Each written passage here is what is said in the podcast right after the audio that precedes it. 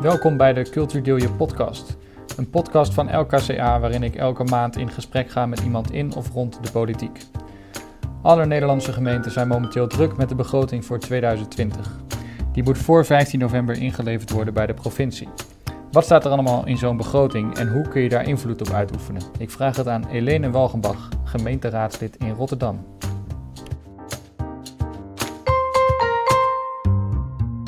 Ik zit uh, in het gemeentehuis van Rotterdam aan tafel met Helene Walgenbach van D66. Um, zij is uh, raadslid hier en uh, zij heeft ook cultuur aan haar portefeuille. Het is momenteel reces, dus fijn dat je tijd kon vrijmaken voor me. Ja, leuk om hier te zijn. Ja. Misschien kun je even uitleggen wat het is om raadslid te zijn, wat dat eigenlijk precies inhoudt. Als raadslid vertegen, ben je volksvertegenwoordiger in een stad, in mijn geval in Rotterdam. En namens een partij, bij mij D66. en als raadslid heb je een paar portefeuilles waar je woordvoerder op bent. En ja, wat betekent dat in de praktijk? Dat je uh, standpunten bepaalt op je portefeuilles. Dat je de stad ingaat, met mensen spreekt, dingen ophaalt. maar uiteindelijk probeer je dingen te veranderen of dingen te bereiken waarvan jij denkt dat dat goed is voor je stad. Ja, want hoe doe je dat, volksvertegenwoordigen? Is dat, hoe doe je dat? Hoe vindt dat plaats zeg maar, in, de, in, de, in de politiek? Um, nou, de politieke praktijk is toch wel veel vergaderen en stukken lezen. Dat, de meeste tijd ben, je, ben ik daar wel aan kwijt. Um, dus alle stukken die je binnenkrijgt, doornemen, bepalen wat je daarvan vindt. Of je dingen wil veranderen, aanpassen. Daar kan je een voorstellen voor indienen. Um, en daarover debatteren.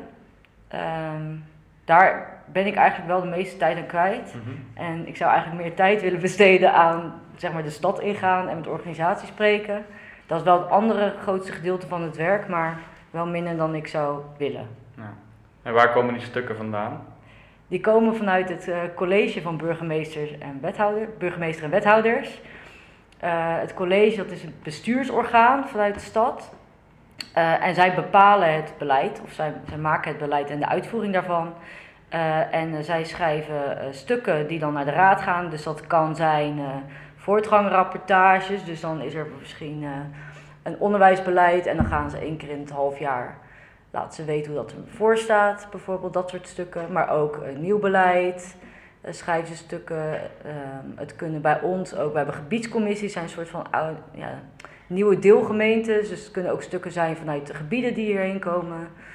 Um, het kan zijn van verschillende organisaties, stukken. Het kan, van alles en nog wat, heel veel. En wat voor onderwerpen heb jij dan bijvoorbeeld in je portefeuille? Een best brede portefeuille. Uh, nou, cultuur zei je ook, kunst en cultuur, horeca, evenementen, uh, toerisme. Dat ligt allemaal enigszins in elkaar in één lijn. Daar probeer ik mij in te zetten voor een levendig Rotterdam. En anderzijds uh, onderwijs. Oké, maar zijn, dat is inderdaad best breed. Dus hoe kun je over al die onderwerpen iets afweten? Ja, dat is wel een goede vraag. nou, je probeert wel focus te kiezen. Dus ik kies wel mijn focus. Um, nou, D66 is heel erg een uh, wel kunst- en cultuurpartij en ook wel uh, nou, onderwijs en evenementen horeca. En daarin uh, hebben we ook wel bepaalde speerpunten. Dus ik focus me binnen die onderwerpen wel op bepaalde speerpunten. Dus dat betekent ook dat ik soms stukken gewoon niet lees. of dat ik bijvoorbeeld weet dat de Partij van de Arbeid of GroenLinks zich heel erg hard maakt voor nou, bijvoorbeeld de Fair Practice Code Partij van de Arbeid bij Cultuur. Nou, dan weet ik dat ik dat iets meer kan laten gaan en dat ik me bijvoorbeeld meer kan richten op uh, de toestroom en de ondersteuning van nieuwe makers, bijvoorbeeld. Nieuwe culturele makers. Ja, en hoe... Wat er voor D60 dan belangrijker is. Mm -hmm. En hoe kun je dan, als je zo'n stuk krijgt en leest, ervoor zorgen dat dat speerpunt van jou, uh, ja, dat daar echt iets mee gaat gebeuren? Nou, dat vond ik in het begin wel lastig. Uh, want hoe het opgeschreven wordt door nou, de ambtenarij die dat college ondersteunt, die schrijven het altijd wel mooier op als dat de werkelijkheid is. Dus ik vond het in het begin wel lastig om dan uit die stukken te halen van hoe het dan precies zit en uh, wat er dan precies moest veranderen, zodat het dichterbij kwam bij wat wij en wat ik wil.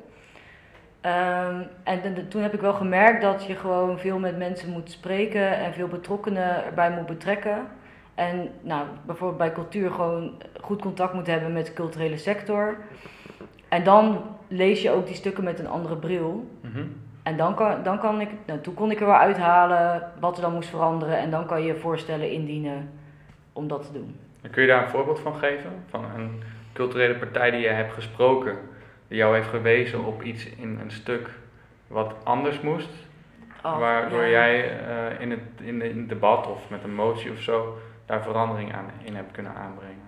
Nou, een heel recent voorbeeld is wij eh, hebben sinds kort, nou echt sinds eh, drie weken of zo, hebben wij een eh, Rotterdamse BIS, dus basisinfrastructuur. Die heet de RBC, Rotterdamse Culturele Basis. Ehm, en op een gegeven moment dan heb je heel lang heb je heel veel debatten over wat dan precies de criteria moeten zijn van die BIS. Mhm. Dus, en eh, eh, dus welke instelling moet daar dan onder vallen, onder welke criteria? Ehm, nou, ik had daar wel, ik had daar al wel zo mijn bedenkingen over. En eh, toen sprak ik met meerdere culturele instellingen, maar wij hebben ook een directeurenoverleg waar alle directeuren van de culturele instelling in zitten.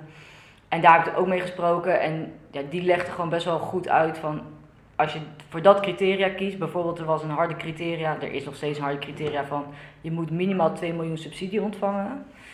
Toen dacht ik van ja, waarom zou je zo eh, kwantitatieve eh, criterium toepassen? Moet je veel niet, meer, niet veel meer kijken naar artistieke kwaliteiten en inhoud- inhoudelijke kwaliteiten. Ehm, en zij, eh, die instellingen, en ja, gewoon meerdere instellingen, die eh, bevestigden dat heel erg. Eh, en die legden ook wel uit van hoe je hem ook zou kunnen inrichten en welke keuzes je meer hebt. Ehm, dus dat hielp mij wel om ook nou, te bepalen wat slim was om te doen. En toen heb ik ook naar aanleiding daarvan een motie ingediend, Ja, die aangenomen is. om iets minder te focussen op, op het geld en iets meer op de kwaliteit. Maar het heeft niet veranderd. Het heeft Oh. niks veranderd. Moet ik- Dat is een beetje het nadeel met moties. Dus je kan een motie indienen als een oproep aan het college. En mijn motie was: eh, de eh, artistieke en inhoudelijke kwaliteiten moeten centraal staan bij de invulling van de BIS. Mhm. Eh, en dan gaat het college gaat daar dan mee aan de slag. En dan moeten ze een afdoening schrijven. Dus dat is eigenlijk vertellen wat ermee is gebeurd Mhm. met die motie. En in die afdoening werd er gezegd: ja, maar we hebben daar ook, ook naar gekeken. Ja. Ja, dat is ook zo. Ja, dus het, gaat, het is ook nog heel belangrijk hoe jij het opschrijft in jouw opdracht. Ja, Ja. ja. en uiteindelijk, dat, eh, je hebt het niet als, je hebt als gemeenteraadslid veel invloed, maar uiteindelijk vo- voert het college het uit. Ja. En ehm, ja, het is, eh, in Rotterdam in ieder geval wordt het niet altijd zo uitgevoerd als dat je zou willen. Nee. Maar het eh, college en de ambtenaren die voor hen die stukken schrijven, die zullen toch ook wel met die directeuren praten. Ja, En als die directeuren dan bij hen aangeven, dit of dit moet anders, waarom doen ze dat dan niet? eh, omdat zij zelf een andere afweging maakten, die ik wel heel goed begrijp. Dus ik begrijp de afweging die ze hebben gemaakt, ik ben het er alleen niet mee eens. Hm. Want de afweging die zij hebben gemaakt met die invulling van die eh BIS was: wij willen geen discussie over welke instelling wel en niet. Dus wat ik vermoed is dat ze van tevoren hebben nagedacht welke instellingen willen we erin. En aan de hand daarvan de criteria hebben opgesteld. En krijgen die acht instellingen uit de nieuwe BIS ook een opdracht mee voor cultuureducatie en cultuurparticipatie? Ehm, nou, wij hebben een eh, culturele visie. Eh, weet- nou, het is niet heel ingewikkeld. Uh, gestoeld, gestoeld op drie I's. Eh, interconnectiviteit, eh, interdisciplinariteit en eh, nee, innovatie. Ik weet het zelf niet eens meer. Interconnectiviteit, innovatie en Inclusie heb ik inclusie. Ja, je hebt gelijk, inclusie, ja. En ehm, de BIS-instellingen die moeten ehm, meer aantonen dat ze daaraan eh, voldoen en dat ze daaraan bijdragen. Hm. Maar goed, ja, ze, ze gaan gewoon de aanvraag doen en ja, het zo goed mogelijk proberen te verwoorden. Ik weet bijvoorbeeld, eh, er is een eh, spoken word artist in Rotterdam-Zuid. Die doet best wel goed. En die zei tegen mij, daar was ik gisteren of zo. En die zei tegen mij, ja, ik word opeens door al die grote instellingen gebeld. Omdat ze mij graag in het cultuurplan willen. Omdat ze dan kunnen zeggen, ja, wij doen heel veel aan interconnectiviteit. Want wij werken samen met nou, Urban Spoken, Word in Rotterdam-Zuid. Dus ja, ik weet ook wel hoe dat werkt. Ja, dan wordt het een beetje een afvink. eh, Ja. eh, En met, met cultuureducatie is dat ook. Kijk, heel veel instellingen doen al heel veel aan cultuureducatie. Boymans doet ook al ontzettend. Nou, ja, die loopt daar wel nu een beetje in. eh, nou, redelijk in voorop, denk ik. Durf bijna niet te zeggen. ah, meer hoor. Maar volgens mij is dat niet echt een harde eis. Volgens mij is het meer gestoeld op eh, talentontwikkeling, het, sa- het samenwerken met andere instellingen. Want dat was in Rotterdam nog wel problematisch. Van eh, als eh, zeg maar, je moet een beetje jezelf verdedigen, want ja, anders gaat die euro naar die ander en jij hebt die euro heel hard nodig. Dus sluit een beetje de gelederen. Dus dat wordt heel erg geprobeerd te doorbreken. Mhm. Dus ik heb het idee dat, dat we meer gaan focussen op nou, talentontwikkeling. Dus dat de grote instellingen ook ruimte gaan geven aan nou, nieuwere makers en nieuwe Mhm. talenten. En eh, gewoon meer samenwerken met andere partijen. Ik wil toch nog even terug naar jouw Ja. rol als volksvertegenwoordiger. Hè? Want jij vult dat in door te gaan spreken met mensen. En, en die helpen jou om anders naar die stukken te kijken. En dan vervolgens ga jij in het debat proberen die, die mening van, van mensen, ja, of die verandering in die stukken aan te brengen. En dan dien je een motie in. En die wordt eigenlijk niet echt eh, goed uitgevoerd. Maar is dat niet ehm, heel frustrerend ook voor, eh, dat is natuurlijk hoe partijen ook een beetje naar politiek kijken. Van ja, ik kan wel roepen en ik kan wel eh, eh, participeren en mijn mening Mhm. geven, maar ze doen toch maar wat ze zelf willen. Doe kun je, jij nou doe als- je culturele partijen? Nou, in het algemeen, of burgers die bijvoorbeeld Ja. een keer komen inspreken en die, die hebben dan het gevoel van, nou laat ik mijn mening horen. Maar de mensen die bepalen, die doen toch maar wat ze zelf willen. En, en hoe, kun jij nou als volksvertegenwoordiger, zeg maar, als jij het eh, probeert invloed uit te oefenen en je ziet dat het niet altijd dat effect heeft, ehm, eh, hoe kun je daar dan nog eh, zeg maar achter staan, wat je doet? Het klinkt zo cynisch, hè? Maar het is denk ik ook gewoon iets van de lange adem. Het is denk ik... ik verwacht niet dat als ik één motie indien... dat het dan helemaal wordt uitgevoerd zoals ik dat wil... en dat het dan helemaal verandert. Maar ik geloof er wel in dat als je het keer op keer blijft zeggen... ook... eh, ja, weet je, het wordt ook veel achter de schermen besproken...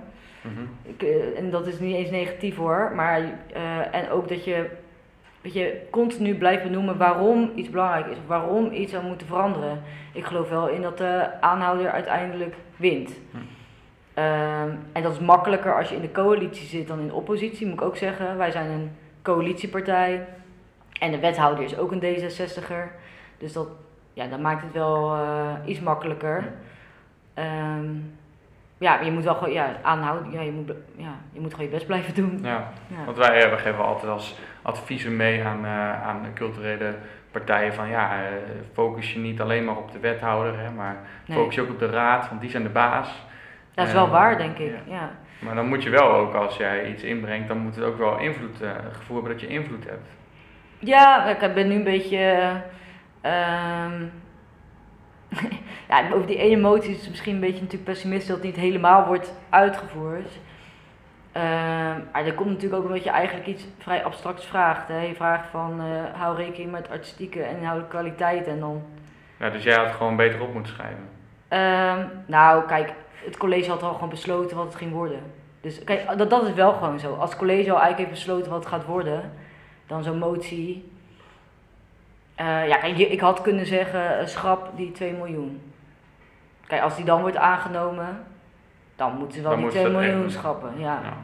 Maar dan was, waren die andere criteria, die ook heel kwantitatief waren, waren alsnog niet zo veranderd. Nee. Dus Nou. ja, het, is ook een beetje, het is ook een beetje balans zoeken tussen eh, wat kan. Dus eh, zeker als coalitiepartij eh, zoek je wel een middenweg tussen wat een college wil en wat je als partij wil. Ja, dus als je zo met gestrekt been erin zou willen, bewijs van, kun je beter een partij zoeken uit de oppositie, want die hebben iets meer vrijheid om het eh, Ja. wat, wat, wat extreme op te schrijven misschien. Maar dan wordt die motie niet aangenomen. Nee. Dat durf ik ook vrij, met dus vrij dat is ook aan te zeggen. partijen om die afweging te maken Ja, van waar nemen we genoegen mee. ik denk je hebt meer invloed via de coalitiepartijen. Eh, en als je gewoon wil beuken, dan moet je bij, dat klinkt zo negatief, maar moet je bij de oppositie zijn. Omdat eh, als ik een veel hardere motie had ingediend, dan had het college waarschijnlijk gezegd, nou we ontraden de motie. Dus dan zeggen ze van, nou wij willen eigenlijk niet dat die aangenomen wordt. En dan stemmen meestal wel de meeste partijen tegen. Hm. Dus het advies van wat een wethouder geeft is best belangrijk. Hm. Oké. Eh, we gaan eventjes een bruggetje maken naar de begroting. Want uh, de meeste gemeentes in, uh, in Nederland zijn begrotingen aan het. Nou, die zijn inmiddels gepresenteerd en die worden de komende weken besproken in de gemeenteraad. En nou, dat wordt altijd best wel belangrijk gemaakt, want daarin worden alle plannen voor 2020 gepresenteerd.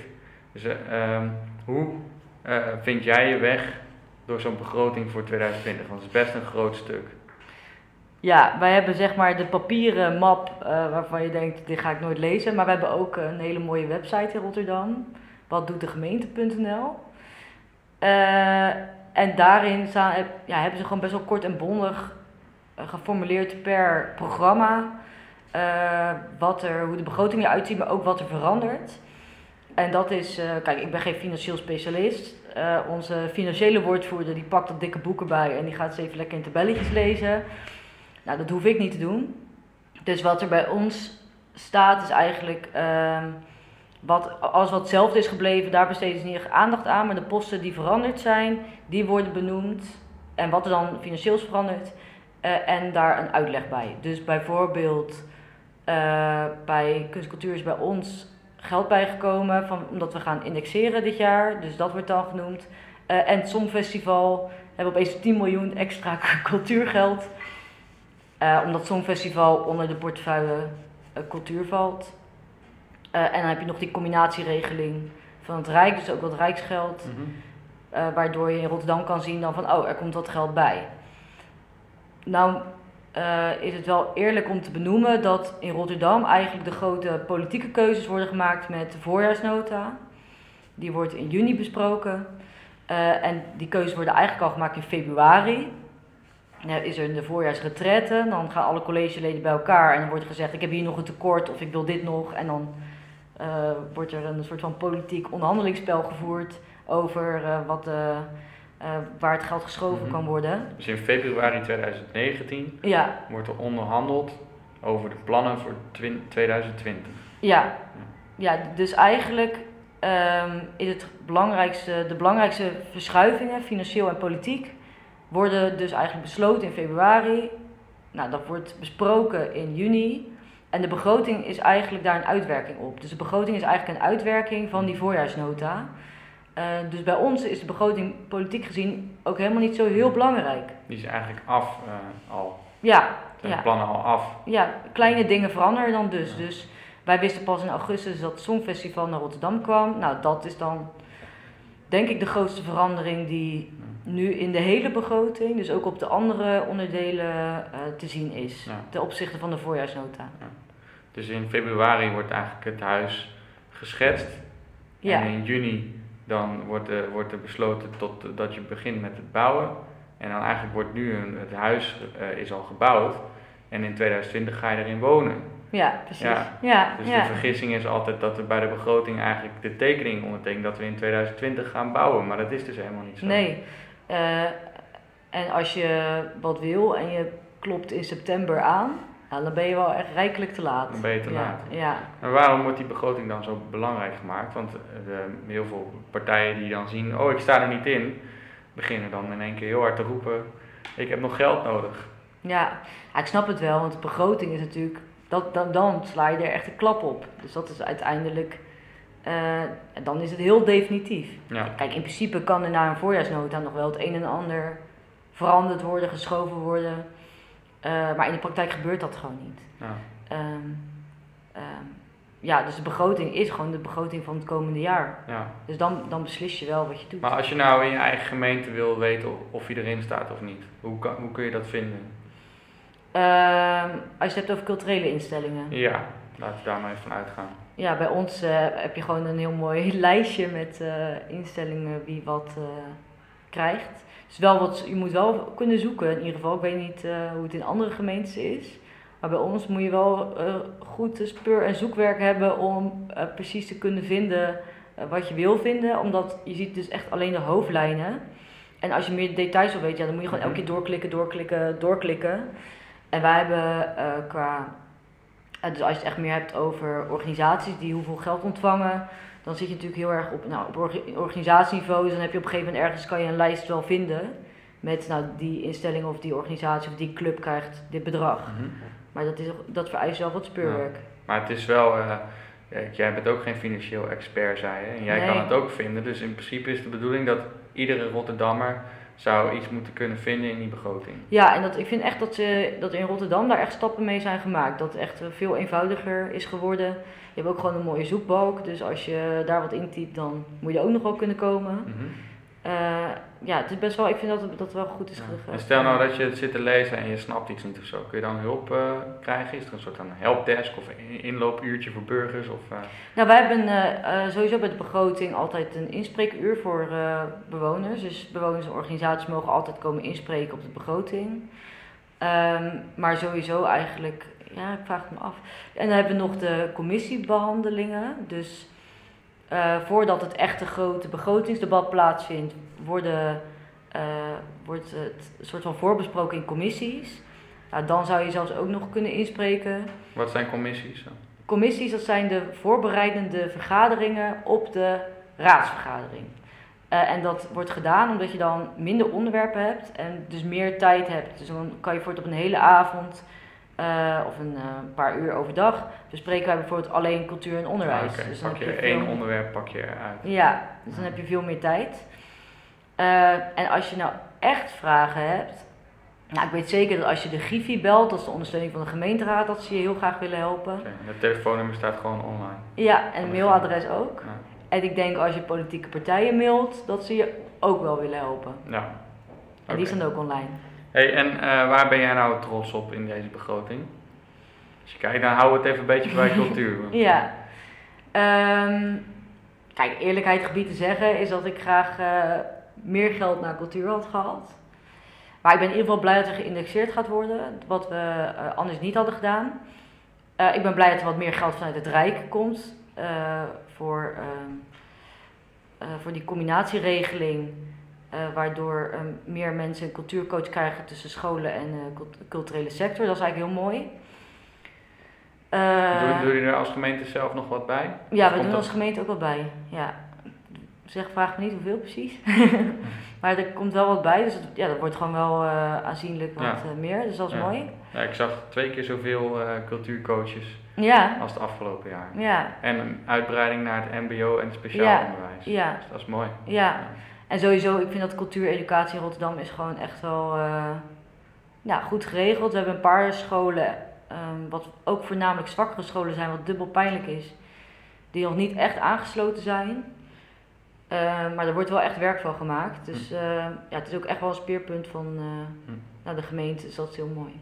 Nou, ik, ik, had nog, ik had net een vraag gesteld van wat kun je doen als je het even wil lezen zelf. Hè? En je komt er niet helemaal uit. En ik las dat jullie een Picture Perfect 010 hebben. Dat is oh schijnbaar een soort mhm. ondersteuning. Is dat ook eh, ondersteuning bijvoorbeeld met dit soort vragen? Ja, de Picture Perfect, nou, dat, ik denk dat jij weer totaal op iets anders doet. Want dat is de manier waarop wij subsidie verstrekken. Uh, het zijn een soort van pitchavonden. Waarop je, normaal moet je een soort van ingewikkelde aanvraag doen als je uh, culturele uh, subsidie wil. En wij hebben nu ook pitchavonden. En dan kan je dus je idee pitchen en dan wordt er ter plekke gekozen wie dan uh, nou, het beste idee heeft en dus uh, die subsidie krijgt. Oh. En wat, voor wat voor een uh, initiatief is dat allemaal? Nou, de laatste die gewonnen heeft, dat vind ik ook heel leuk, omdat het een combinatie is met mijn horecaportefeuille. Er is een, een Rotterdammer, een jonge Rotterdammer, al heel lang bezig met waarom heeft Rotterdam geen nachtraad. En die heeft dat gepitcht uh, en dat is de laatste die heeft gewonnen. Voor mij heeft hij 75.000 euro uh, toen gewonnen. En dan, mm -hmm. dat is voor hem een startbedrag om dat uh, op te zetten. Mm. Um, oh, dus met ondersteuning wordt waarschijnlijk vooral financiële ondersteuning bedoeld? Ja, ja. ja ik dacht ja. dat het meer een soort loket was voor, nee. voor, voor cult culturele creatieve ondernemers die dan ook vragen hebben inderdaad over dat hele politiek en het proces en hoe ze uh, invloed kunnen uitoefenen. Nee, dat zou wel interessant zijn. Ja. Maar ik denk dat het best moeilijk is uh, om te weten hoe die politiek precies werkt en mhm. wanneer je nou waarop invloed kan uitoefenen. Ja, ja. Dat, dat, dat, daar gaan we dadelijk op het einde nog even op terugkomen. Ja. Als jij nog een gouden tip hebt of zo. Uh, ik heb nog één vraag daarvoor. Uh, veel gemeentes uh, in Nederland moeten het komende jaar gaan bezuinigen. bezuinigen. Het heeft vooral vaak te maken met tekorten, vaak ook in het sociaal domein. ik weet niet of dat in Rotterdam ook het geval is. Ja, het valt heel erg mee. Ja, dus wij hebben, ja, het valt heel erg mee. Dus ehm, ik, ik, ben dan bang dat ik weet waar je naartoe gaat, want in heel veel gemeenten wordt daardoor bezuinigd op kunst en cultuur. Mhm. Nou, dat gaat bij ons echt niet gebeuren. Dus dat is wel een uh, geruststelling. Ja. Maar hebben jullie ook bewust kunst en cultuur ingezet, juist om binnen dat sociaal domein een verschil te maken? Ehm, nou, het is niet zo bewust ingezet. Er zijn wel veel partijen die uh, heel erg die combinatie zoeken. Ehm, partijen? Ehm, nou, je hebt uh, een uh, wijktheater die nou, bij bepaalde nou, groepen uit, en zwakkere groepen uit de samenleving dan theater maakt bijvoorbeeld. En daardoor ook een belangrijke wijkfunctie vervult. Hm. Dus die zit ook veel meer aan de welzijnskant. Dus we hebben wel veel organisaties en instellingen in Rotterdam die uh, al dan niet vrijwillig dat zelf uh, oppakken. Um, maar dat zou, wat ons betreft, meer moeten gebeuren. Dus niet beleidsmatig ingebed. Nou ja, in die cultuurvisie met die drie I's wordt daar, wordt daar wel specifiek aandacht aan besteed. En ook met die uh, acht grote BIS-instellingen, daar wordt ook gezegd: wij verwachten van jullie dat jullie ook een grotere bijdrage gaan leveren aan de grote opdrachten in deze stad. En dat is dus uh, nou, het samenbrengen van mensen, uh, maar ook um, de energietransitie mm -hmm. bijvoorbeeld. En betekent dat dan dat eigenlijk uh, het geld wat op de begroting staat voor cultuur door dit soort opdrachten een beetje wegvloeit uit cultuur? Of wordt er juist uit andere potjes ook vloeit er wat naar cultuur omdat er wordt gezien dat het een bijdrage levert aan andere domeinen? Nou, daar proberen we altijd wel op in te zetten. Um, ik, er is een voorbeeld geweest, maar ik heb hem nu niet zo paraat, waarin er een organisatie was die aanspraak wilde maken op cultuurbudget. En toen hebben we gezegd, of het eerst gezegd van uh, we gaan het proberen via de welzijnskant. Mm Dus er wordt wel eerder geprobeerd om nou, via welzijn, waar gewoon meer, ook meer geld is en meer ruimte is, dat als er culturele instellingen zijn die ook daar aanraken, daar budget van uh, ja, ja. te krijgen. Ja. En er komt maar het is soms wel eh, moeilijk hoor, want het zijn best wel uh, schotten in zo'n gemeente die zeggen ja, dat wordt daarbij en dat wordt daarbij. Dus als het een beetje van beide is, dan wordt dat vaak wel moeilijk gevonden. Maar uh, er wordt wel veel meer over nagedacht. En ehm, ja, die, ja, die hele crossover is ook gewoon super belangrijk natuurlijk, dat je dat ook goed faciliteert. Hey, die laatste vraag. Stel er is een, een instelling in Rotterdam die aan het luisteren is naar deze podcast, die denkt die, die Helene die klinkt goed. Die kan mij wel vertegenwoordigen en ik mis nog iets in die begroting. Hoe zorg je ervoor dat die partij zich toch op die begroting nog kan bewegen? Wat heel erg helpt als je invloed wilt uitoefenen is gewoon überhaupt raadsleden uitnodigen bij wat jij doet. Dat, dat helpt denk ik toch wel het beste. Ik krijg Moet je dan allemaal zelf een appje sturen? Of? Ja, een mailtje de ene is happiger. Het beste is gewoon weten welke partij zich hard maakt voor, of welke raadsleden zich hard maken voor cultuur.